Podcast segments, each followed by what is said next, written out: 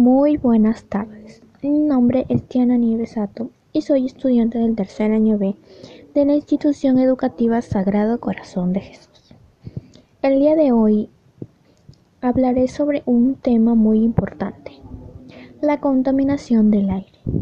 Y mi opinión acerca de ese tema es que se produce por las acciones de las personas, ocasionando que a diario las personas perciban olores nauseabundos, desperdicios tirados en la calle, humo de carros y fábricas.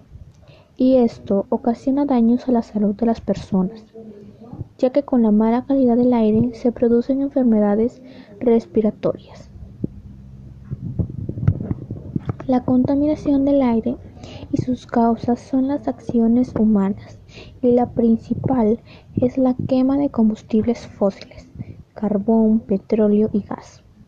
Y el consumo de estas materias primas se produce en procesos de los sectores industriales y del transporte por carretera, produciendo así gases contaminantes que dañan al ambiente, pues hace que se dañe la capa de ozono, que los gases de efecto invernadero se incrementen, haciendo que la temperatura suba y genere calentamiento global entre otros.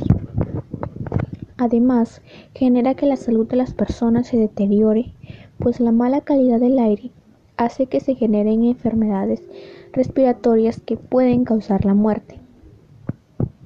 Para reducir la alta contaminación del aire, se tendría que usar transporte alternativo, ahorrar energía y agua, no quemar basura ni fuegos artificiales, plantar árboles, reciclar y reutilizar los residuos sólidos, evitar el uso de aerosoles, construir biohuertos y sobre todo promover las prácticas ecológicas y el cuidado del ambiente, para que más personas se sumen a esta causa, que está a favor del ambiente y la salud de las personas. Muchas gracias, estimados amigos, por escucharme. Recuerden que si no cuidamos el planeta, habrá consecuencias muy graves. Es por ello que lo mejor que podemos hacer es ayudar a proteger nuestro mundo con acciones que para que podamos respirar un aire más limpio y libre de contaminación. El planeta es nuestro hogar. Por ello lo debemos conservar.